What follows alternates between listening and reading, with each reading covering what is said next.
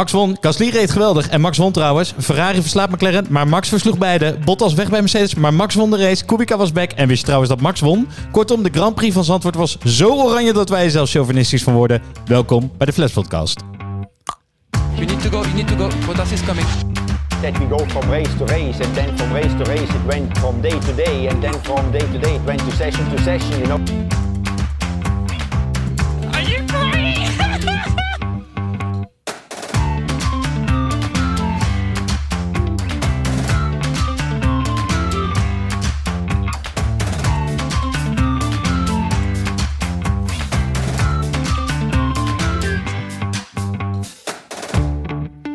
Hallo allemaal en welkom bij de dertiende aflevering van de Flats Podcast, waarin de meest amateuristische experts van Nederland je bijpraten over de zin en vooral de onzin van de afgelopen Grand Prix, onze eigen thuisrace, de Grand Prix van Zandvoort.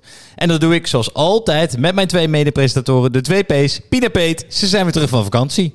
Hey. Ja, toch? Hallo, hallo, hallo. Kijk, normaal zouden we beginnen met eh, ja, hoe jullie weekend was, hè, hoe het ervoor staat persoonlijk. Maar jullie hebben er allebei voor gekozen om het hoogtepunt van de Formule 1 in Nederland na 30 jaar te skippen. Dus ik ga niet eens vragen naar jullie weekend. Ik wil het niet weten. Nou, dat scheelt. Dat Hey, scheelt alweer een uitleg. hoe was jouw weekend eigenlijk? Ja, Dan kunnen wij god, gewoon even we rustig doorpraten. indrijven? Ik ben dus bang dat als ik dit uitleg, dat we onze luisteraars in één klap vrij Ik, heb wel nog, kwijt ik had zijn. nog een goede reden, maar jij eigenlijk niet echt. Nou ja, je hebt ook wel spijt betuigd in de app. Een kleine uitleg voor de luisteraar. Ik kreeg een last minute kans inderdaad via jouw Pien eigenlijk om daar naartoe te gaan. En ik had inderdaad een weekendje weg gepland die ik, eh, die ik niet meer kon verplaatsen. Dus dat is mijn excuus. Maar laten we daar alsjeblieft niet te lang mee stilstaan. Nee. Bram, jij bent er wel geweest. Ja, ik, ik zat en er. Lighten us, hoe, hoe was het? Nou, ik dacht, eh, ja, het is Max. Eh, die jongen doet best leuk in de Formule 1. Komt in Nederland. Ik denk, ik ga even langs, laat mijn gezicht zien. Even die jongen supporten. Maar wanneer, even voor duidelijkheid, jij bent er eh, vrijdag en zaterdag Ik was er vrijdag en zaterdag en ik was dus niet de enige die dat dacht. Kan ik je zo vertellen. Nee, eh, ja, weet je, zullen we er maar gewoon meteen induiken, meteen doorpakken en eh, naar de race algemeen gaan? Zeker.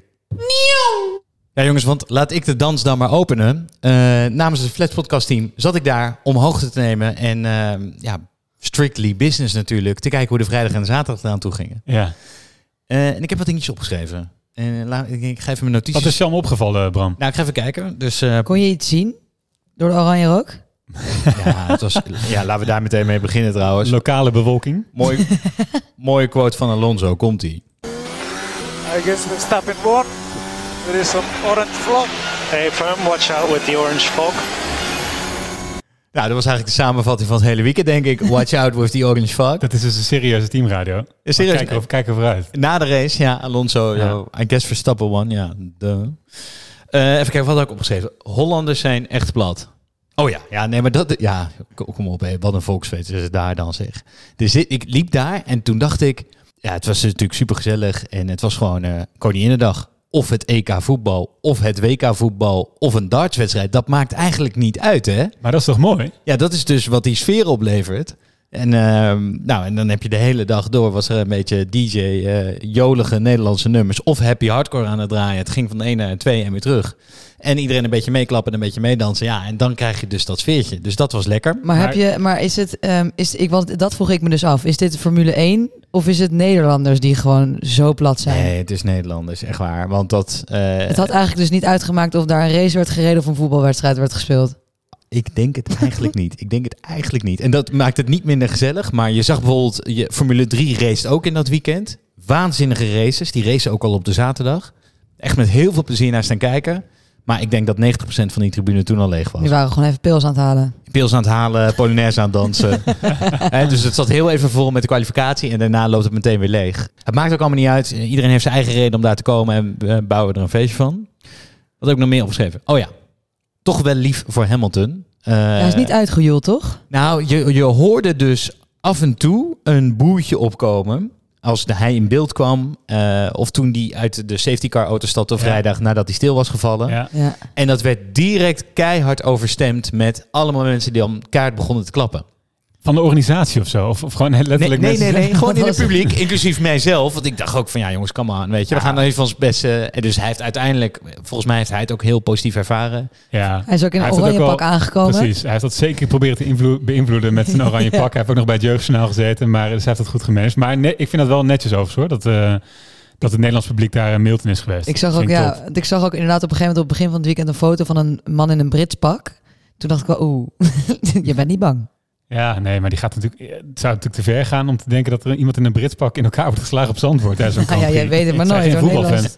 nou, als je daarnaar keek, dan scheelde dat het niet veel hoor. Oké. Nee, en de, de, nou, het was wel grappig ook trouwens, nog heel even in dat oranje sfeertje. Er werden dus ook gewoon juichcapes uitgedeeld door de Jumbo. Ja. Eh, want het maakt namelijk dus niet uit welk evenement we hebben. En die juichcapes hadden ze nog over van het EK. Ja. Dus die gaan dan één op één door. Ricciardo Eh, had er daar ook een van gekregen, geloof ik, hè? Ja, Ricciardo liep er ook rond in eentje. En eh, ik heb trouwens nog wel een leuk fragmentje gevonden van Ricciardo. Want wij vinden het een leuk sfeertje. Maar dit was wat eh, Ricciardo erover zei. eh, in de race review. Dus na de race, die echt niet fantastisch liep voor hem. Daar hebben we het straks nog over. Maar zei hij toch dit. What's going on? Um, you can probably hear that music. Uh, it's pretty awesome. I won't lie. The atmosphere here is so good. Anyone that wants to come and have a good atmosphere, who lives close to Holland or in Holland, the Netherlands, Shit. uh, I would highly recommend coming to this race.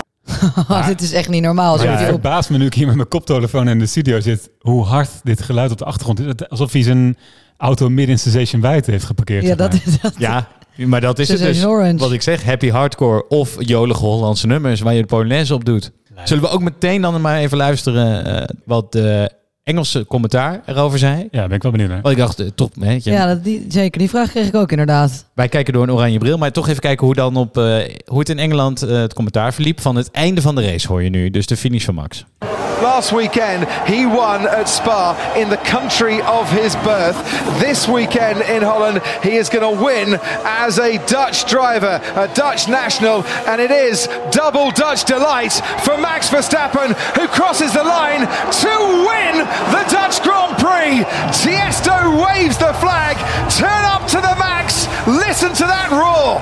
fantastic, isn't it? What an atmosphere. And, you know, if you're here and you're watching and you don't support Max, it doesn't matter. This is such an amazing atmosphere. This is Formula One. Wat heerlijk omschreven. This is Formula One. Dat is toch bizar? Maar dit is inderdaad wel echt mooi om even door een andere lens dan Olaf Mol te horen. Voor een iemand die nog nooit in Nederland heeft gewoond, zijn we inderdaad wel heel trots op deze Nederlander. Ja. Max toch? interesseert het volgens mij namelijk echt zo weinig. Nee, daar hebben we het zo over. Hebben we het zo over. Ehm, ik had, even kijken, wat heb ik nog meer opgeschreven? Eh Marshalls op Zandvoort is gewoon gemeentereinigingsdienst. Ja, dit vond ik echt niet normaal. Ja, maar dit is dus, omdat er dus overal gindbakken liggen, is dus ieder moment dat er even niks gebeurt, sta je dus te vegen als Marshall om dat grind allemaal weg te vegen. Ja. Continu bezemwagentjes die heen en weer rijden. Het was een show in Maar zichzelf. sorry, dit, wa- dit hadden wij dus kunnen zijn, hè? Hier hebben we ons toch maar bijna maar voor ja, opgegeven. ja, dat klopt. Maar toen ik ze bezig zag, ben ik eigenlijk best blij dat ik er niet stond. Maar, Je staat eigenlijk alleen maar te vegen. maar niemand heeft een bezem vastgehouden, begrijp ik. Waren gewoon allemaal van die karretjes. Nee, nee allebei. Dus eh, en zo'n gast in zo'n karretje, maar dan moet er ook nog iemand voor de show naast staan vegen. Maar dan is dat iemand van de gemeente Zandvoort, toch, die dat doet? Dat weet ik niet. Nee, het zijn vrijwilligers. Top, top uitje. Ik kreeg helemaal het idee van de gemeentereinigingsdienst van de gemeente Want als je Zandvoort, ja. taakstraf krijgt, dan moet je dit doen. Volgende punt was Jan Lammers is de redding voor Zandvoort, Zandvoort PR. Oh ja dat, ja, dat gaat natuurlijk om. Ik heb dus een paar interviews gezien met Jan, Lam, Jan Lammers. Er was, eh, we waren in eh, Race Home. Ik had op de vrijdag kaarten via Sue Media trouwens. Als je nog een mooie website nodig hebt, eh, kun je bij die gast een leuke website. Ik heb wat reclame aan ze Heb beloofd. jij, heel heb, goed. ik wilde net zeggen, heb jij Heel goed. buiten ons weten Ja. om via een Ja, heeft kaarten nauwelijks iemand door, deze sluikreclame. toch? Dus ik stond daar in de, in de Race Home en daar gaf Jan Lammers een interview. En hij deed ook nog over het hele circuit. Dat doet hij goed, toch? Ja, hij is waanzinnig. You love him. Hij is ook niet zo groot. Je hebt echt het idee, ik neem je mee, ik zet je thuis op de schouw. Maar dat hebben ze wel slim gedaan. Echt waar. En want hij is gewoon, hij is Dr. Jekyll. En naast hem natuurlijk die Mr. Hyde van een Bernard, waar iedereen Ja. zo'n pesthekel aan heeft. Dat ze maar Jan Lammers volgens mij naar voren schuiven. En die, die een geweldig gezicht van dat. Hij redt echt die race. Ja, daar. dat hebben ze wel slim gedaan. Dus dat, eh, nou, dus dat, dat viel me op. Eh, toen, oh ja, die safety car gaat inderdaad hard. ja, maar dat is echt. Die komt met een noodgang voorbij zetten. Dat wil je niet weten. Hoe hard is het nou? 180, 190? Ik Door een bocht volgens mij, 180 Ik weet, ja, maar echt gewoon vol, volle bak rachen met die Aston Martin. Dus, eh, nou ja, goed, dat viel me op. Maar die heb jij op vrijdag en zaterdag gezien. En wat mij echt verrast is dat die gisteren niet aan de orde is gekomen. Ja, nee, en in die Formule, Gelukkig. Formule 3 eh race die er waren, en er waren ook de Women's Series waren er, ehm, en de Porsche, allemaal safety cars. Ja. Ja, Oké. Ja, bizar dat dat niet gebeurd is gisteren. ja Maar mooi voor de rest. ze kunnen goed rijden. Eh, de pits in is doodeng. Ja, dat is, wij, ik zat dus op de vrijdag tegenover de ingang Pitstraat. Maar je, wil, je denkt namelijk van nou, op het moment dat die gassen zeg maar, op die uitvoegstrook zitten, zullen ze wel van hun gas gaan. Ja, echt niet. Nee. Dus zij Nee, rijden, net voor dat moment, toch? zij rijden echt volle bak nog die pits in. En vlak voor die lijn staat hij opeens stil. Ja, het is, je schrik je helemaal rot op het moment dat je het voor de eerste keer ziet. Langzaam rijden is doodeng. Ja, dat ging over de kwalificatie trouwens. We gaan zo nog hebben over dat haasmoment met Vettel. Ja. Dat gebeurde vlak voor onze tribune. Maar als je daar dan zit en je ziet dus die auto's wachten totdat ze een snelle ronde kunnen doen in de kwalificatie. Terwijl er eentje zijn snelle ronde aan het doen is en voorbij komt. Ja, dat snelheidsverschil is gewoon... Je, je, Dat- je schrik je echt leplazerus. Dat daar niet echt de allergrootste crashes elk weekend gebeuren. Hè? Dat is, Oh man, dat, dat moment met Vettel was iedereen's hart stond stil op die tribune. Hij kwam zo hard aan en dan, nou ja, maar goed, ze staan ook zo stil op de een of andere maar dat waren dus twee hazen die voor hem naast elkaar praktisch stilstonden. Ja, Mazepin ja, en Schumacher. ja, ja, letterlijk stilstonden en hij, nou ja, goed. Goh, ik We schrok gaan me het er dood. zo nog over hebben. Eh, ik schrok me ook dood van, ja, crashes zijn doodeng. Heb ik ja, crashes, dat is dus, eh, eh, Russell schoot vanaf bij ons. En als je dan dat geweld in het echt ziet, jongen, dan is het echt niet grappig meer hoor, zo'n crash. Want hij landde in de bandenstapel, toch? Hij landde Ja, achteruit in de bandenstapel. In, gelukkig in een grindbak die omhoog liep. Dus er ging echt veel energie uit. Maar weet je, op tv zit je nog wel eens van, oh, spectaculair en crash. Maar in het echt, nou, het is gewoon... Het is, het is krankzinnig hoe Ja. hard dat gaat. Maar moet je dus voorstellen hoe mensen dus achter die bandenstapel zaten toen Max zo hard was ja, gecrashed. die dacht waarschijnlijk er is iemand dacht- overleden. Ja, Ja, en dus daar, stond, daar moest ik nog wel aan denken dat er toch gejuicht werd toen op Silverstone. Toen hij in die bandenstapel crashte. Kort hoor, want daarna Ja. was er ook een, een, moment je van het. reflectie bij iedereen volgens mij. Daarna wordt het stil. Oh, oh, oh. Het is, nou ja, alleen al die crash van, eh, en er was helemaal niks aan de hand met Russell, dus zo hard was hij niet vergeleken met die van Max. Nou, het- ik schrok me dood. maar en je zat aan het rechte stuk, toch? Op vrijdag was dit. De- nee, dit was op de zaterdag, Oh, dus dat was in de bocht. Eh, eh, oh ja, en, en laatste, ja, Formule 1 is gewoon eigenlijk doodeng. Zo had ik, heb ik opgeschreven. Zeg maar. Ik was blij dat ik achter een dubbel hek stond en gewoon die moordmachines voorbij zag. Het zijn ook echt grote auto's, jongen, wil je niet weten. En Harry, hè? Harry... eh, Had jij gehoorbeschermers inderdaad? ja, Is ja, dat ja. nodig? Ja, want ik ben eerder wezen kijken wel, dus ik wist het. Nee, je moet, Je moet oordeel op in. Het is je moet oordeel op in. Echt waar. Je, je maakt echt eh oren kapot. Ja, bizar. Ja, het is gewoon eh, een gewelddadig evenement aan alle kanten. ik wilde net zeggen, Maar het was hoe toch zou je het omschrijven in één woord? Maar gewelddadig is doodeng. dan... Gewelddadig en doodeng.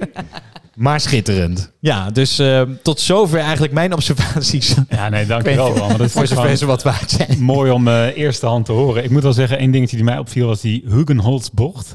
Ik zag dat op zaterdag. En volgens mij zijn een aantal coureurs die hier ook over hebben gezegd van dit is zo bizar in dit circuit. Ik dacht het is een baanwielrenbaan. Zeg maar Dat is zo dat- schuin die bocht. Dat is dus Ja. zo, zo dat ding dat zo omhoog en omlaag gaat. Ja, volgens mij is dat bocht 3 die Hugenholz. En nou, de lijn die ze daar pakken, dat deed Verstappen ook heel nadrukkelijk. Zo hoog in die bocht. Ik zag dat voor het eerst op zaterdag. En ik dacht, wat is dit voor lijn? Zeg maar, dat is zo ongebruikelijk in vergelijking met andere circuits. Echt bizar. Ja, hoog. Maar het leuke was eigenlijk, je kon daar drie, vier lijnen rijden. Ja. En die waren allemaal even snel. Ja. Dus dat was ook het moment waar met name in de andere series een hoop werd ingehaald. En heel veel roem voor Zandvoort dat ze die dus inderdaad een kombocht hebben Die hebben ze gemaakt. aangepast, hè? Ja. En er is ook nog een kombocht aan het einde eh, neergelegd. Ja, dat is gewoon een, met een hellingzoek van 45 graden. Dit was hetzelfde bochtje waar ook Vettel nog even probeerde in te halen op zondag. Dat ging iets minder lekker, maar die bocht. Ja, dat, precies. Dat was die bocht 3. Ja. Ja. ja, jongens, een mooie ervaring. Dus volgend jaar zeg ik, gaan we met z'n drieën. Gaan we met z'n allen. Ah, zeker. Eh, en die paddockpas. Weet je, ik, laten we nu onszelf een jaar geven om dan paddockpassen voor Zandvoort te krijgen. Oké? Ja. Dat lijkt me goed. Afgesproken? Dat lijkt me een goed idee, lijkt me dat. En dan geen weekendjes weg. Nee, en eh, huwelijken worden verplaatst. Bij eh, dus als jullie luisteren en je bent eh, vriend, vriendin van Pien, Peter of mij, geen huwelijk tijdens, het, eh, tijdens de Grand Prix van Zandvoort. Alsjeblieft niet. Punt. Nee, punt gewoon. Punt. Want inderdaad, het- qua voorbereiding, ik moet je zeggen, ik was vanochtend ook echt, voelde ik me een student die niet geleerd had voor zijn tentamen. Dus ik was nog even aan het stress bijlezen. Ja, en ehm, als we dan met dat huiswerk en dat bijlezen proberen om die oranje bril even af te zetten en naar die race te kijken voor wat die was, voordat we al de, de uitslagenlijst afgaan, eh, zoals normaal. Wat viel ons op? Ja, dat die dus wel echt heel spannend is. En dat die technisch echt moeilijk is voor coureurs. Daar hebben we vorige week volgens mij een vooruitblik al bij stilgestaan.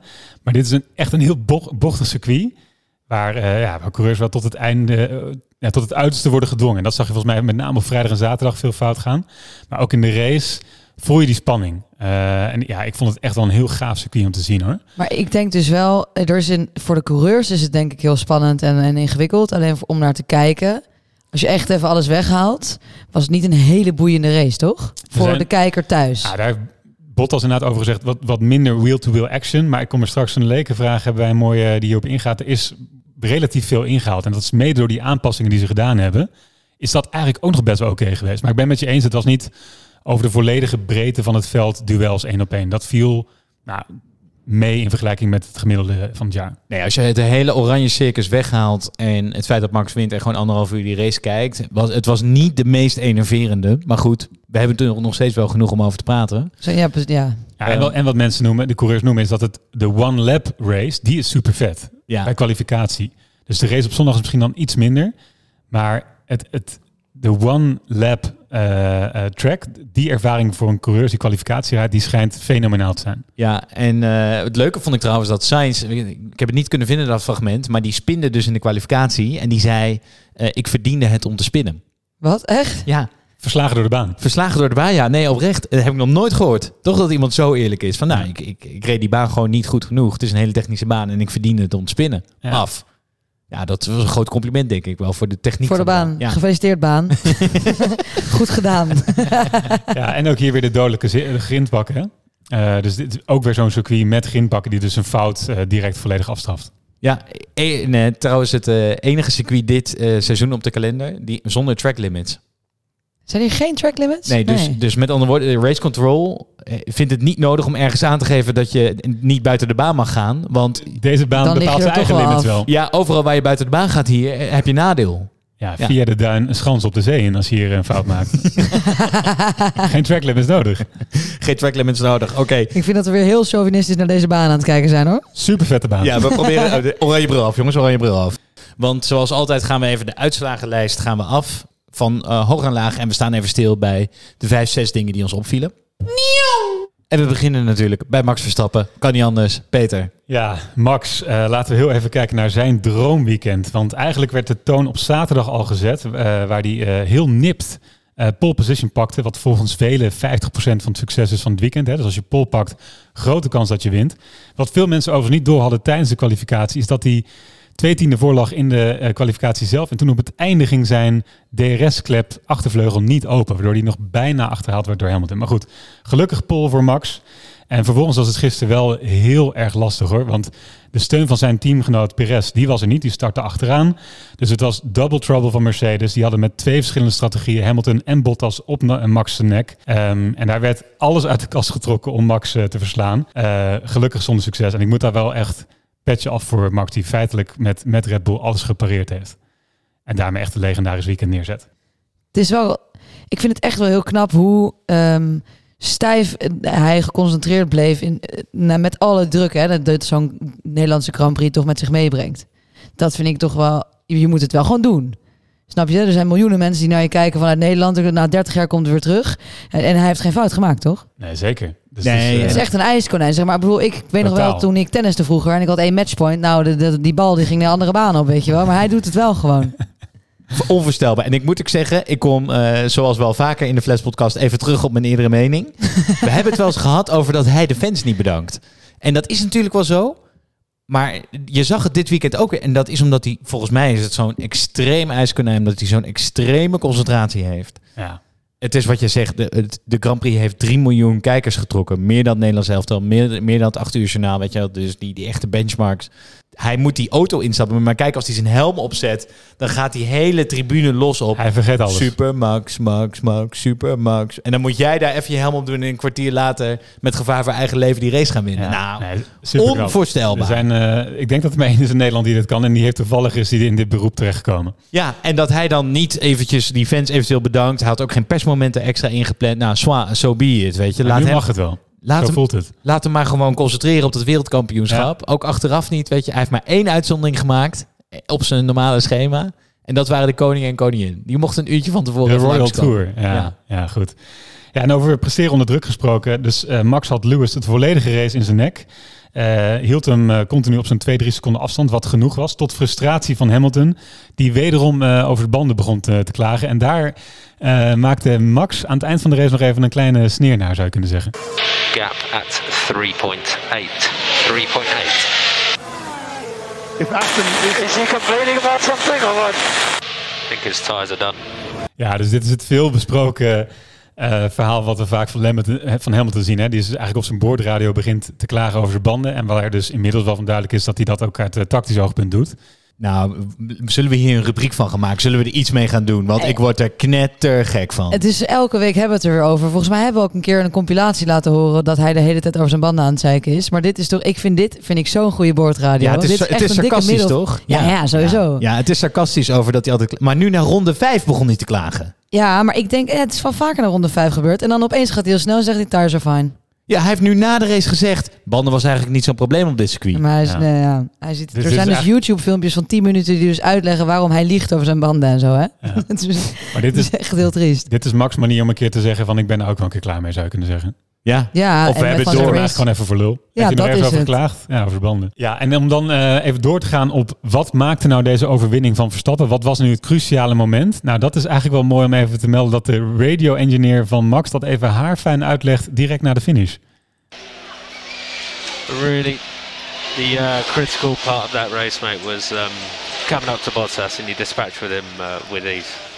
We were worried about Lewis being able to undercut you at that point, so uh, that's fantastic. Ja, P, kun je even uitleggen? Want hij zegt dus... Het was cruciaal dat hij Bottas eh, eh, heeft ingehaald. Ja. Dat was... ehm, Bottas stond op een één stopper, zij op een twee stopper. Ja. Kun jij eens eh, in, in twee zinnen uitleggen wa- waarom dat cruciaal is? Omdat hij moest uit die Mercedes sandwich. Dus hij werd door die strategie van Bottas eh, ja, letterlijk gesandwiched tussen twee Mercedes. En Bottas zou hem gaan ophouden op oudere banden. Waardoor Max vertraging opliep en Hamilton dichterbij kon komen. En daar moest hij zo snel mogelijk uit. En dat is hem feitelijk binnen twee ronden gelukt. Ja, hij had, had twee rondjes DRS nodig. Ja, nee, en ik denk zelfs eigenlijk dat Mercedes hier een fout gemaakt heeft tactisch. Want het lukte hem dus wel één ronde. Hamilton komt binnen 0,7 seconden van Max. Als hij op dat moment naar binnen gaat en diverse banden ophaalt... eh, en Max dus dwingt om een ronde later te gaan... dat doet hij de undercut. Hebben we wel eens uitgelegd hoe sterk de undercut is. Dan had hij voor Max gestaan. Als ze op dat moment Hamilton gestopt hadden... had hij voor Max de baan Ja. opgekomen... nadat ze allebei gestopt waren, een ronde na elkaar. Ja, ze hadden waarschijnlijk gehoopt dat Bottas hem wat langer op zou houden. En misschien wil ze dat later doen, maar goed. Ja. Ja, dat. En ik bedoel, Mercedes die is wel vaker niet helemaal 100% scherp in strategie geweest. En dit keer ook niet, hebben ze zelf al gezegd. ze hebben klopt, het gewoon hè? niet goed uitgespeeld. Ja, en, en eh, dat je niet met z'n tweeën van één Red Bull kan winnen. Want Perez is natuurlijk in geen velden of wegen te bekennen. Kudos aan Red Bull. Maar Mercedes heeft inderdaad ook wel een fout gemaakt. Ja. Ja, dus even opsommen wat er eigenlijk allemaal voor Max gebeurde. Voor het eerst in zijn leven een Grand Prix van Nederland. De eerste Nederlander die op eigen bodem op een pol start. En de eerste Nederlander die ook diezelfde Grand Prix wint. Je herovert de koppositie in het wereldkampioenschap. Er worden 65.000 landgenoten helemaal gek van blijdschap. En Davina Michel maakt een nieuwe versie van het volkslied. En wat is dan je reactie na deze euforie? Max Verstappen, wat heb je gedaan? 72 rondjes gereden. Ah, Man, deze had ik nog man, helemaal niet gehoord. Wat een droogkloot, hè? het is echt... Ik vond De combinatie van Jack moment. Ploy en Max Verstappen is ook wel een uniek hoor. Nou, maar je zag Jack, die, die, die stelde vraag naar vraag en die hoopte maar op emotie bij, bij Max en die kwam maar niet. Dus dat was het mooie aan. Maar ik moet wel zeggen, hij is inderdaad wat jij zei Bram, alleen maar bezig met die wereldtitel. En, en, en blijkbaar, ik, ik geloof het nu ook, hij is daar alleen mee bezig. Dat is nu bevestigd. Maar het interesseert hem denk ik gewoon echt niet. Ik denk Ehm, dat dat het is. Zullen we even een wetje leggen wanneer het voor het eerst gaat plaatsvinden dat Max een traantje laat Ja. in een, in een eh, persmoment? Nou, daar wil, ik- wil ik wel een beetje op leggen. Ik Ik, denk als hij, zodra hij wereldkampioen wordt, dan, dan, dan zou je hem emotioneel kunnen zien. Ik denk als hij met pensioen gaat.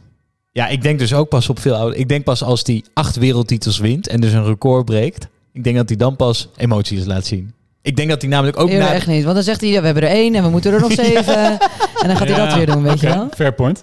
En jongens, nog even een beetje voordat we hierbij afsluiten. Over wereldtitel gesproken. Wisten jullie dat Max nu de coureur is met de meeste Grand Prix overwinningen zonder wereldtitel? Ja, 17 stuks. dat is treurig. Nou, dat is dus een opvallend klassement wat je dan leidt. Maar het wordt tijd dat hij wereldkampioen Nee, maar wordt. dat- Dat komt eigenlijk op neer. Maar wacht even, dat klassement zegt dan toch dat iedereen die er ooit zoveel had uiteindelijk wereldkampioen wel werd? Dus nu moet ik mijn feitje gaan checken. Want ik, zoals ik hem las, eh, volgens mij is hij zelfs wel van, van alle tijden. Ja, dat Of- is van alle tijden. Het is een beetje de overwinningen tot je de wereldtitel pakte. Maar zo las ik hem inderdaad niet voor. Scherp, Bram. Oh, Oké, nee, is goed. Eh, nee, ik zit er scherp op. Ik zit ook scherp op de tijd. Dus we gaan door eh, met die uitslaglijst. En ik sla Hamilton over door dat bandengezeik. Ik vind Bottas wel, die had wel een leuke actie natuurlijk. We gaan we toch niet bij Geniaal. stilstaan. We hebben een hoop te bespreken. Nee, ik wil, ik wil het hebben over Pierre Gasly. En jullie zeggen misschien wel, wie is Pierre Gasly? En dat zou ik niet gek vinden. Want die man komt nooit in beeld. Die is de hele Grand Prix niet in beeld geweest. We hebben dan ook Eh, Sergio Perez hebben we driver of the day gemaakt. Ja. ik kan me echt niet... Ik kan geen argument verzinnen waarom hij driver of the day zou moeten zijn. niet. Hij zit in een winnende... Oh, nou, poeh. Maar Pierre Gasly had het moeten worden. Hij wordt vierde in een race waar dus helemaal niets aan de hand is. Dat wil zeggen, de rest rijdt ook gewoon zo hard als die kan. Dus in Baku is hij al derde geworden dit seizoen. Maar toen viel er van alles uit. Max natuurlijk die lekke band. Hamilton maakte dat foutje. Kan je zeggen, hè, hij heeft die derde een beetje cadeau gehad. Die vierde plek heeft hij totaal niet cadeau gekregen. 100% zelf voor gereden. En hij rijdt dus in een Alfa Tauri... waar eigenlijk Sergio Perez had moeten rijden in een Red Bull. Had hij een Red Bull onder zijn reet gehad... dan had hij het daadwerkelijk Bottas moeilijk kunnen maken. Ja. Ik Ja. vind het zo pijnlijk aan het worden... dat hij maar bij dat Alfa Tauri moet blijven. En Ja. nog een jaar, hè? Ja. Want Ja, Perez hij blijft. Zit, hij zit wat dat betreft wel een beetje vast. Want nu Perez verlengd is, ja, vraag je af waar moet deze jongen naartoe? Want hij zit absoluut tegen zijn plafond aan in deze auto. Nou, en ik zal, even- ik zal even verder gaan. Want hij heeft dus, eh, wat ook dus niemand heeft gezien, want hij kwam niet in beeld. Hij heeft een éénstopper gedaan. Hij is eh, gepit in ronde 24, is naar de mediumband gegaan, de gele. En heeft daar 48 ronden lang Leclerc eh, op achter zich gehouden. Bizar lang. Het is bizar dat hem dat lukt. In een circuit waar dus wel degelijk ingehaald kon worden. Ehm, hij heeft tot nu toe iedere race die hij finishte in de punten gereden, behalve Silverstone. Dus hij is niet een, het is niet een eh, one-of, eh, one-race wonder. Gewoon het hele seizoen consistent. En staat dus ook achtste voor Ricciardo, voor Alonso en voor Ocon. Allemaal jongens die je daar echt boven verwacht. En nou komt het allermooiste. Hij begint er zelf aan te wennen. Want moet je even naar dit fragment luisteren. Dit is dus weer een waanzinnig resultaat. Maar hoe droog dit eigenlijk is. En, en zelfs zijn grootste fan, zijn race engineer... ehm, is eigenlijk ook wat lauwtjes voor zijn doen. Moet je maar luisteren. Okay, that's it, mate. We made it. We made it. Nice job. Nice job. Tifo. Tifo. Yes. Very happy, guys. Very happy. Fantastic job all weekend. Het is toch alsof je zo'n volgespoten wijf uit Amsterdam-Zuid... als een jaartje of 50 hoort zeggen van... nou, ik ben echt heel blij, maar dan helemaal geen emotie meer kan tonen. Ja, Zo is ja. dit toch ook? Want Pierre Gasly staat bekend om het feit dat hij zoveel geluid maakt op zijn boordradio als hij dus ergens eh, verrast door is en of heeft gewonnen. Met andere woorden, het begint normaal te worden voor Walk in hem. the park. En- ik heb dus, ik, nou goed, ik heb ben er heel eventjes een beetje research in gedaan. Want hoe kan het nou dat hij niet bij Red Bull komt? Van waarom houdt Red Bull hem nou buiten de deur? En wat zo schijnt te zijn, is dat hij op ieder detail wil hij betrokken zijn in die auto. Dus dit wordt gezegd. Dus hij wil op, op hoe de stoeltjes, welk stoeltje ermee gaat in die auto. Hij wil overal mening over hebben. En dat valt gewoon niet lekker in die Red Bull wijze. Die veel meer zeggen van jongen, dit is de auto en rij er maar gewoon mee. Ehm, en bij Alfa Tauri krijgt hij dus, omdat hij dat kopmanschap heeft, krijgt Ja. hij de ruimte om dit soort betrokkenheid te tonen. Ja, dus hij toch? kan geen tweede coureur zijn eigenlijk. Precies. En dat is, maar dat is wat er gezegd wordt. Dat is het enige wat ik kan vinden. En voor de rest kan ik geen, noem eens, geen, geen zinvol argument verzinnen waarom hij niet in die Red Bull zit en Ja. Perez wel. Ik dacht inderdaad dat hij gewoon mensen boos had gemaakt bij Red Bull. Nou, dat dat is kan maar- een reden zijn. Ja, dan zou dat het dus zijn, ja. Maar nog even een andere veer voor Gasly. Want normaal, eh, Alfa Tauri staat normaal ergens zevende, achtste in het wereldkampioenschap voor constructeurs. Maar nu staan ze zesde, kort achter Alpine. En dat komt allemaal door die punten die die gekke Gasly bij elkaar Ja, raadt. want Tsunoda, die had ze niet binnen. houdt nauwelijks punten. dus hij is bijna in zijn eentje is hij, is hij echt eh, dat hele team omhoog aan het knokken. Ze Ja. zijn bijna vijfde. Bizar. Een afzet, denk ik, hè? Ja, een afzet. Zullen we doorgaan naar de volgende? Want we gaan op de lijst. We springen wat eh, coureurs voorbij. Want ja, Charles Leclerc natuurlijk leuk. Alonso, ja, daar kunnen we het weer over hebben. Gaan we toch niet doen. Sainz, Perez, nou genoeg over gehad. Ocon, Norris en Ricciardo. 10 en 11. Pien. Ja, want ehm, de andere mannen in het oranje, Zeker. die hebben geen goed weekend gedraaid. Toch wel verrassend eigenlijk. Verkeerde tint oranje. Ja, toch, toch afgeleid door het publiek, hè? Maar nee, zij hebben geen goed weekend gedraaid. En ze hebben echt slechte zaken gedaan, want ze zijn dus 10 en 11 geëindigd. Terwijl eigenlijk dit hele seizoen zijn ze gewoon wel binnen de top 10 verder de vierde, vijfde, zesde geëindigd. Zeker Norris. En die heeft nog net één puntje kunnen redden. Maar die hebben dus het, eh, de derde plek in het constructeurs verloren, deze race, aan Ferrari. Die het wel beter hebben gedaan. Die staan nu 11,5 punten staan die voor McLaren. En het is gewoon, dus ze hebben gewoon... Ricciardo heeft ook nog eens goed gekwalificeerd. Beter in ieder geval dan Norris. En dat is dit seizoen ook nog niet zo vaak gebeurd. Dus dan denk je van, hé, hey, eindelijk, hij heeft het te pakken. Ik ga Norris pakken. En dan doet hij het gewoon weer niet op zo'n zondag. En het is zo zonde. En hij heeft, dan, hij heeft altijd best scherpe verklaringen waarom dat dan niet lukt. Dus hij zegt dan inderdaad van, oké, bij de start gingen er wat dingen mis. Want hij kon zijn koppeling kon hij niet verschuiven. En daardoor was dus zijn eerste ronde zo slecht, bla bla bla. Maar ik weet het niet. Ik vind het toch een beetje een deceptie. Wat jullie? Zeker. En ik heb even gekeken. Ik, kon, ik heb een fragmentje gevonden. Want er zijn wel vaker teamorders. Omdat hij dus wel vaker Norris in zijn spiegel heeft zitten. En nu gebeurde dat ook weer. Dus Norris komt de baan op, heeft versere banden. En eh Ricciardo ging aan de kant. Nou, dat vind ik al pijnlijk. Maar toen hoorde ik dit fragment en toen werd het nog veel pijnlijker. Want hij kreeg dus in eerste instantie geen teamorders. Moet je eens even luisteren. Lando's behind. If Lando's behind, it's no problem. We can swap at an appropriate time. Okay, I'll push. I'll push for a few laps. Let's see your pace. We're happy to see your pace, Daniel. You can show your pace. You don't have to let him through till we see your pace. Let's go. Uh, Daniel, we would like to swap positions, please. We'd like to swap positions, Lando, on newer tyres. You're both going to go and get the Alpines. Oei, is wel oei, echt oei. Dus hij heeft de kans gekregen en hij heeft het dus gewoon echt niet waargemaakt. Want normaal, zij hebben best wel vaak teamorders en het kan allebei de kant op gaan. Terwijl Norris is wel echt de eerste coureur nu bij, eh, bij McLaren. Maar ze gaan er altijd heel goed mee om. Maar dit was inderdaad wel echt heel pijnlijk. Want het is gewoon, je bent niet goed genoeg. Ja, en wat mij betreft, gaan. ik vind trouwens dat dit een regel moet worden. Dat je, je mag wel teamorders geven, maar je moet eerst de coureur de kans geven om te laten zien dat hij gewoon net zo snel kan zijn. Interessante regel. Ja, dat zou wel veel Toch? veranderen. Ja. Maar dit is bij de toon waarop er tegen hem wordt gesproken, vind ik bijna kinderlijk. Het wordt echt een beetje sneu. Maar we hebben het al eerder gezegd, hè? Lando Land, eh, zo heet eh, McLaren tegenwoordig. Dus alles gaat aan de kant voor, eh, voor Lando. Maar dit is wel een pijnlijk moment. Ja, het is een pijnlijk moment. En het toch wel ook een pijnlijk weekend dus voor McLaren. Want die derde plek die hadden ze echt goed te pakken. Zeker in de eerste paar races toen Norris dus zo goed aan het rijden was. Derde, vierde geworden. En Ferrari, dat vond ik ook opvallend. Want Ferrari was zelf dus best wel ontevreden over dit weekend. Dus die zijn eh, vijfde en zevende geëindigd. En hebben dus de derde plek verheroverd. En die waren helemaal niet blij. Dus dat betekent wel in mijn optiek dat ze hongerig zijn naar meer. En dat ze het gevoel hadden dat hier meer in had kunnen zitten. Terwijl ik zou denken, als je naar Ferrari kijkt dit seizoen en vorig seizoen. Wees blij met waar je nu staat. Ja, die willen eh, ook een beetje klaarstomen voor volgende week, denk ik, op Monza. Dus alle, alles op maximaal, die gaan all in. Nou, ik denk echt dat het net anders zit. Ik denk dat die, ehm, die Ferrari heeft veel downforce. Die- Ferrari is goed op bochtige circuits. Ja, en als er één circuit bochtig is, is het Zandvoort. Ja. Dus als het op een circuit eruit had moeten komen, was het dit circuit. Ze hadden wellicht meer gehoopt, ja. Ja, net, in Monaco kwam het er wel uit. Toen stond Leclerc Ja. op pol, reed hij zichzelf in een park naar goed. Hè? Toen kwam het er wel uit en nu niet. Dus ik denk dat het Ja, voor hun voelt punt. als een gemiste kans. Goed punt. Dat is wel een goed punt inderdaad. Had je een jaar geleden gevraagd, dan was het inderdaad rechtstukken versus bochten. Een totaal andere kant op, maar nu zijn ze dus beter in de bochten Zij geworden. zijn beter in de bochten en eh, minder goed op rechtstuk, ja. Ehm, waar we wel goed in zijn is... eh, Bruggetjes maken naar het volgende onderwerp. is dat waar we goed in zijn? Buiten de baan? compleet kwijt. Eh, ja, we zijn halverwege ons lijstje. Dus dat betekent dat we naar buiten de baan gaan.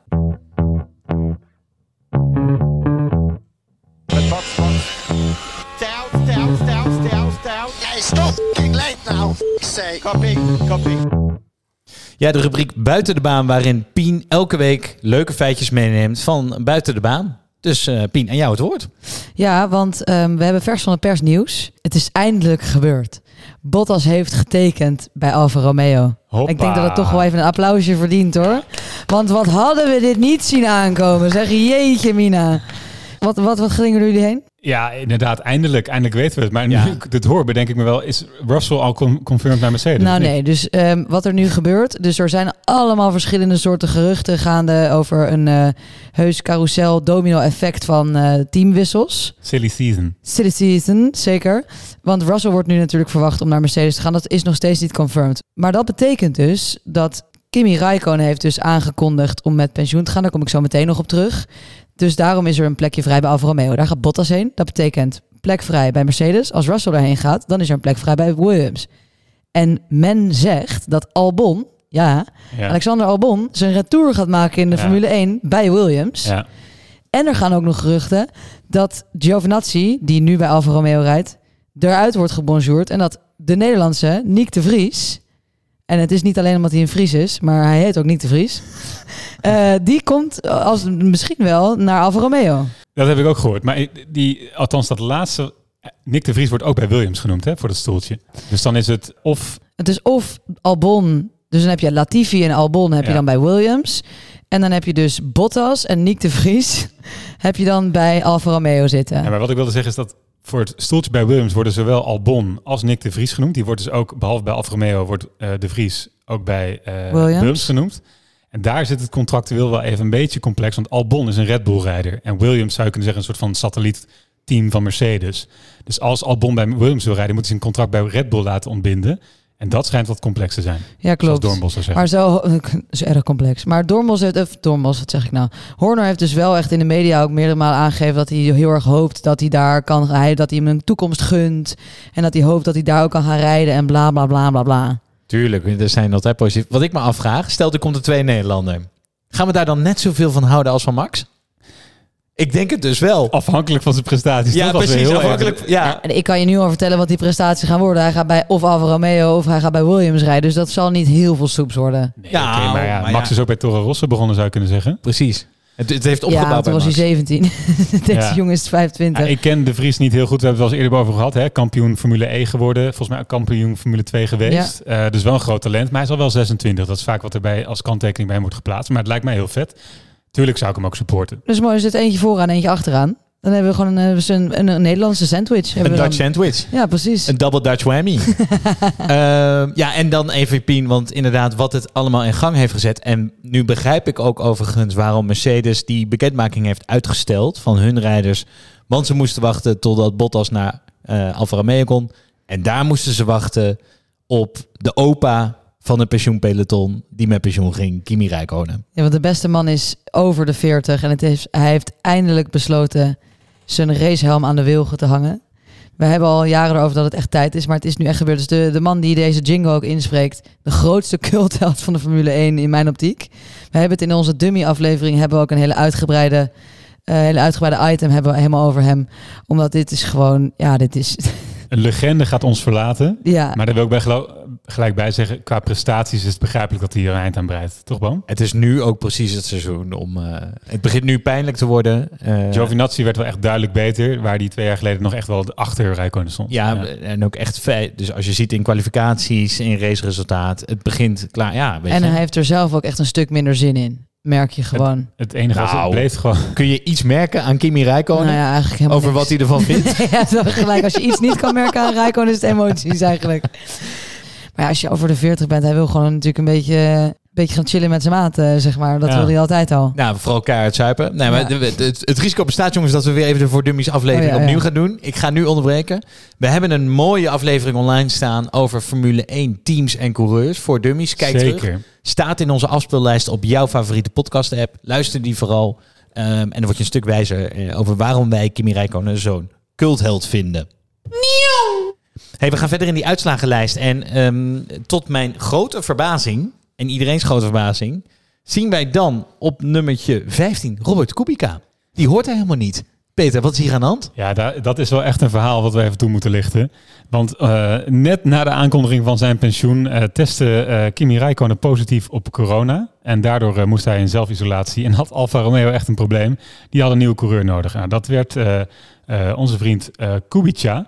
En dat is wel een man met een verhaal. Dat is een 36-jarige Pol. Hij heeft eigenlijk zijn laatste race Formule 1 eh, twee jaar geleden voor, ge- gereden voor Williams. Hij is wel testrijder bij Alfa Romeo, dus hij weet nog wel een beetje hoe die auto eruit ziet. Maar wat is nou het verhaal bij Kubica? Dat is eigenlijk, laat ik even heel bot zeggen, een eenarmige piraat.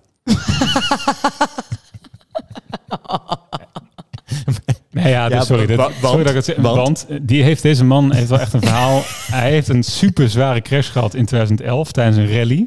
Daar eh, kwam letterlijk een, een vangrail doorboorde zijn auto en, en raakte dus zijn arm. En opre- dat heeft oprecht naar uitgezien dat zijn arm geamputeerd moest worden. En maar dat hebben ze kunnen fixen. Als je foto's googelt van zijn arm, dat ziet er niet zo fijn uit. Maar deze man, de officiële lezing, ik heb, ik heb gegoogeld, eh eh, Ken eh Kubica used his hand. De officiële lezing is ongeveer, hij past succesvol een left-hand dominant technique toe, door zijn limitaties in zijn rechterarm. Maar deze man kan letterlijk de vingers van zijn rechterhand niet buigen. En rijdt Formule 1. Nou, ik met al mijn ledematen in de Formule 1 auto ga ik serieus twijfelen of ik dat doe. Maar deze man stapt dus met één functionerende hand achter, een, achter het stuur van de Formule 1 Ik vind het gewoon zo... En teams zetten hem er ook nog eens in. Dat is nog wel misschien wel de bizarste ik vind combinatie. het gewoon zo fijn hoe erg je bent, weer bent verloren in dit onderzoek. Weet jij hoe hij die 12 races heeft gewonnen? Met een armlengte voorsprong. Oh. Oké, Ja, het sorry. zijn overigens 12 podiums. Hij heeft één race gewonnen. Ja, het leuk, hij was echt wel voor dat ongeluk een groot talent. En er wordt zelfs gezegd dat hij een contract bij Ferrari klaar had liggen, vlak voor dat ongeluk. Ja. Dat was ook een beetje het verhaal volgens mij toen bij- bij Williams. Hè. Die hebben een rentree gegund, zo klonk het Ja. bijna in 2019. En dan vonden ze gaaf om naast Russell zo'n veteraan te zetten die inderdaad een super groot talent was. Dat was een beetje het verhaal van die Claire Williams. Dus het was nostalgie. Maar goed, uiteindelijk heeft dat kort geduurd. Ik zou trouwens ook geen staatslot kopen met deze man, want hij reed ook in de Le Mans twee weken geleden, de 24 uur van Le Mans. Ik ben 24 uur aan het rijden en toen is drie minuten voor de finish is die auto stilgevallen. heeft hij niet gewonnen. Dus hij heeft gewoon het ongeluk en het pech aan zijn broek hangen. Maar Hij laat ik dan wel dit zeggen. deze race, toch? Ik ga na dit zeggen, 15e gefinished. Briljante prestatie. Die, hij heeft dus ook niet de vrije training kunnen doen eh, op vrijdag. En is op zaterdag er ingestapt in een voor hem ook vrij nieuw circuit. Dus het is een briljante prestatie. Met een briljante prestatie, eh, eh, over een briljante prestatie gesproken. Zo, die bruggen vandaag, jongens. Daar moet ik even eh, beter aan gaan werken. maar we gaan door naar Pien, haar favoriete onderwerp. Namelijk de twee coureurs van Haas. Die gefinished zijn op plek, ja natuurlijk, 18. En niet gefinished. Pien. Het, was weer, het is gewoon een beetje een soap aan het worden eigenlijk bij dit team. Want er waren weer zoveel akkefietjes dit weekend. Eh eventjes kort inderdaad, waar ik, een, waar ik een fragment voor heb meegenomen. Tijdens de kwalificatie is de bom weer gebarsten in het team. Want Schumacher die heeft ehm, hem ingehaald tijdens de opwarmronde. En toen kon Mazepin niet zijn kwalificatie goed doen. En toen in plaats van dat intern op te lossen... is Mazepin heel snel naar de pers toe gerend en heeft het volgende gezegd. On track, how hard was, was quali? Well, I'm really annoyed to be honest because I've once in Imola overtaken the first car when I was the second, and I got a bollocking from the team. And now this has happened to me the second time that my teammate overtakes me and then bumps me into the traffic, and then sort of my last attempt in qualifying on purpose. So I'm not happy because. Nou ja, dit gaat dan nog eventjes zo door, dus ik dacht ik bespaar jullie alle de rest van de details. Bizar. Maar hij, dus in plaats van dit intern op te lossen, heeft hij dus dit weer allemaal naar buiten lopen gooien. Schumacher weer boos. Nou, het zijn een beetje twee van die kaboutertjes die dan de hele tijd met elkaar aan het kibbelen zijn. Hè? En dan moet je dus voorstellen, dan heb je dus Gunther Steiner. Die is al een beetje een heet hoofd van een baas. Die heeft al een team waar je heel veel geldproblemen hebt, die gewoon met een auto die niet vooruit komt. En dan heb je dus ook nog twee van die kibbelende tieners in je team die je gewoon maar niet onder controle krijgt. Nou, Nou, maar het is wel wat heftiger dan alleen maar kibbelende tieners. Hè? Want het begint problematisch te worden, die relatie tussen die twee. Ja, zeker. En dan is het zondag in de race denk je van... oké, nou, dan hebben we het eens uitgepraat op zaterdag. Dan gaan we zondag race. En wat gebeurt er dan? Snijdt Mazepin, eh snijdt Schumacher er zo erg af... dat hij gewoon zijn front wing gewoon eh, ka- helemaal kapot is. Ja. Dus dan, nou, dus weer ontploft na de race. Dus zij hebben gewoon een, een human resources probleem... die ze eventjes flink moeten gaan oplossen. Want het, Maar dit is wel echt pijnlijk ook voor het imago van Haas. Want dit is gewoon zo onprofessioneel. En je denkt al, na vorig jaar kan niet veel slechter. Maar het is echt wel een nieuw dieptepunt in dat team wat mij betreft. Het is aan de andere kant ook niet gek. Ja, ze zijn by far de twee langzaamste auto's hebben ze op de grid. Dus Ja. ze zijn ook echt alleen maar met elkaar aan het racen. Het enige competitieve is je teamgenoot ja, dat is de, het enige waar je er wat van maakt. Maar zo, eh, Mazepin sneed hem echt heel bot af. Ja, dat echt zeker. heel gevaarlijk. En we hebben in de vooruit, vooruitzicht van dit seizoen... hebben we natuurlijk al een klein boekje open gedaan over Mazepin. Die gewoon... Dit is wel eens eerder gebeurd bij hem in een kwalificatie met een andere teamgenoot. Die heeft hij gewoon voor zijn bek geslagen. Dus dit was, nog, eh, hè, dit was nog iets volwassener van hem. Maar het is toch niet normaal dat je hier dus ook nog mee moet dealen. Terwijl je, team, je auto komt dan niet vooruit. Het lullig alleen, als daar ooit iemand roept, het is hij eruit of ik eruit, dan is het lullig voor Schumacher. Want Schumacher pa heeft gewoon de centen natuurlijk, hè? Nou, en degene die dat dan niet gaat durven te vertellen aan Schumacher is zijn eigen engineer. Want ik heb weer een fragment gevonden. Even terug naar die kwalificatie op zaterdag. Hij rijdt samen met Mazepin knetter in de weg van Vettel. Ik zei het aan het begin van de aflevering al. Vettel knalt er bijna op. Ja. En die engineer die moet dat dan vertellen aan Schumacher. Maar die durft dat eigenlijk niet. Moet je even luisteren. Okay, tough conditions out there, Mick. Unfortunately, couldn't find any time. Um, Nikita also didn't get his lap in, and then um, Kubica is just ahead, 0.08. And then I think maybe we Yeah, I just started the lap way too close to yeah, understood. uh, Latifi. And I think we probably um, caused trouble for Vettel, so we may have an issue there. Um, he was finishing his push when we were in the 13. So sorry about that. We didn't get it very right there, but uh, we'll figure it out. So. We bizar? we caused some trouble. Je reed gewoon zo hard in de weg dat je bijna een massive ongeluk hebt veroorzaakt. En Vettel niet naar Q2 kon. Maar we hebben ons al eerder verbaasd over de- deze radio-engineer. Dat zo aanmatigende gelul. Totaal niet duidelijke instructies, Alsof toch? hij een veel te lieve au pair heeft gekregen... Ja. die hier over de boordradio aan het, eh, Nee, aan het die, die man is. moet kinderboeken, luisterboeken in gaan spreken. Echt waar.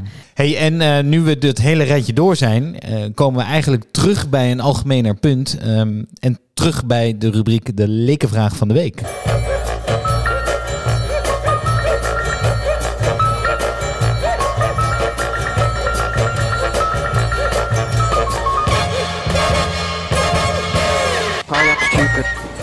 I am stupid. I switch off everything. Ja, de lekenvraag van de week, waarin wij elke race een vraag van een luisteraar behandelen en proberen de Formule 1 weer een stukje begrijpelijker te maken voor iedereen, naast onze voor Dummies afleveringen. En de vraag van deze week hebben we eigenlijk opgepikt uit de media en luidt, in, nou ja, de media beweerden dat het een circuit was waarop je niet kon inhalen. Eh, en dus luidt eigenlijk de lekenvraag van de week, is dat nou eigenlijk waar? Eigenlijk is het een factcheck, Peter. Ja, dus is, eh, de vraag is inderdaad, is Zandvoort nou ook weer zo'n paradecircuit als bijvoorbeeld Monaco? En nou, laat ik daar het volgende over zeggen. Ik heb even mijn feitjes geprobeerd te vinden op internet. Eh, helaas is nog niet precies geteld eh, hoeveel er is ingehaald op Zandvoort, maar dat is zo'n 10, 15 keer geweest zou je kunnen zeggen. Dus Perez eh, op een vijf, zestal auto's, zie Max op Bottas. Er is best wel wat ingehaald. En stel, ga even uit van 10 tot 10, 10 tot 15 keer overtakes. Dat zijn dus inhaalacties op de baan en niet op de pits, eh, via de pits-strategie. dat is niet het minste eh, op, op de kalender. Monaco, dit jaar, Pien, hoeveel denk je dat daar is ingehaald? Eén keer. Dit jaar in Monaco is er nul keer ingehaald, ter vergelijking. Dus dat Zandvoort een, een, een, een optocht zou zijn, dat gaat mij te ver. Eigenlijk zit het een beetje in de orde grootte van, van, eh, van Oostenrijk. Zandvoort is inderdaad geen makkelijk circuit om in te halen, maar met de aanpassingen die gedaan zijn, is het best wel een redelijk... Als je kijkt naar de cijfers, is het niet de grootste optocht van het jaar. Nou, myth busted. Dankjewel, P. En eh, voordat wij verder gaan met een vooruitblik naar de volgende Grand Prix, laten wij zoals altijd deze eh, eh, Grand Prix afsluiten op poëtische wijze door Dichter Luc in de rubriek Dichterop. Oranje boven, oranje boven. Leven Formule 1. Zandvoort, je kon er dit weekend echt niet omheen. Alles stond in het teken van de kommetjes aan zee en Tarzan in de duinen. Een sprookje waar alles werd bekeken door een oranje bril. Of je het nou wil of niet, Lewis, met je oranje bril. Oranje boven, onder, links, rechts. Druk vanuit elke hoek, druk in elke hoek. Veel druk. En alsof het nog niet genoeg is, drukt Prins Pils met zijn vrouwelijke aanhang een koninklijke stempel op de dag. Het feest is compleet. Een race die men niet snel vergeet. En niet op 27 april, maar op 5 september. Een dag vol oranje regen. We hebben dit jaar toch nog een volwaardige Koningsdag gekregen. Met dezelfde kleur, maar een andere koning. Oranje boven, oranje boven. Ja, en dan rest ons alleen nog om even vooruit te kijken naar volgende week alweer. Want het is een triple header. Dus de derde van de triple header komt eraan. De Grand Prix van Italië op het circuit van Monza. Wat kunnen we hierover zeggen, jongens? Nou, dit is inderdaad Wellicht. de thuisrace van Ferrari. En dit is zo'n belangrijke race voor dat team. Eh, het is daarnaast eh, wel een circuit dat normaal Mercedes goed ligt, historisch gezien. Red Bull een stuk minder door, door die lange stukken. Max is hier nog nooit hoger geëindigd dan P5. Dus dat is wel even heel belangrijke informatie richting volgende week. Hij moet echt zichzelf wat dat betreft gaan verbeteren om een beetje bij te blijven en niet Lewis weer eh, de koppositie te laten meenemen. En het is ook wel, dus het wordt een Ferrari-circuit genoemd, maar dus wat we net hebben besproken, het is dus niet een Ferrari-circuit, want ze zijn niet meer zo goed op de rechte stukken. En het zijn alleen maar rechte stukken. Ja, wat Zandvoort voor Max is, is Monza voor Ferrari. Maar ik, schat de kans dat Ferrari wint vrijwel nul. Leclerc daar twee, drie jaar geleden nog wel een keer gewonnen. Ja. Dat was wel uitzonderlijk. Ja, toen Dat ze vals, dat, ja, toen ze vals speelden, ja. toen ze vals speelden en die motor opschroefde, ja. Wat wel echt een knettergekke race was, was Monza van vorig jaar. Toen kwam eh, Gasly als winnaar uit de koker na eh, Verstappen die uitviel, eh, Leclerc die onder andere uitviel, Hamilton die een dichte pitstraat inreed en de andere twee podiumplaatsen waren voor Sainz en Stroll. Dat was een bizarre race. Ja, dat was wel bijzonder, ja.